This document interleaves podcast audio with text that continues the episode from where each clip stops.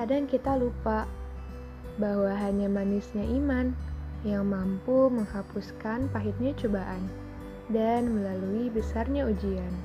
Maka hati bersabarlah, kuatkan iman dalam hati, dan terus berlelah dalam mengisi hari, agar secelup dunia ini tidak mengotori berjuta kebaikan yang dijanjikan di akhirat nanti.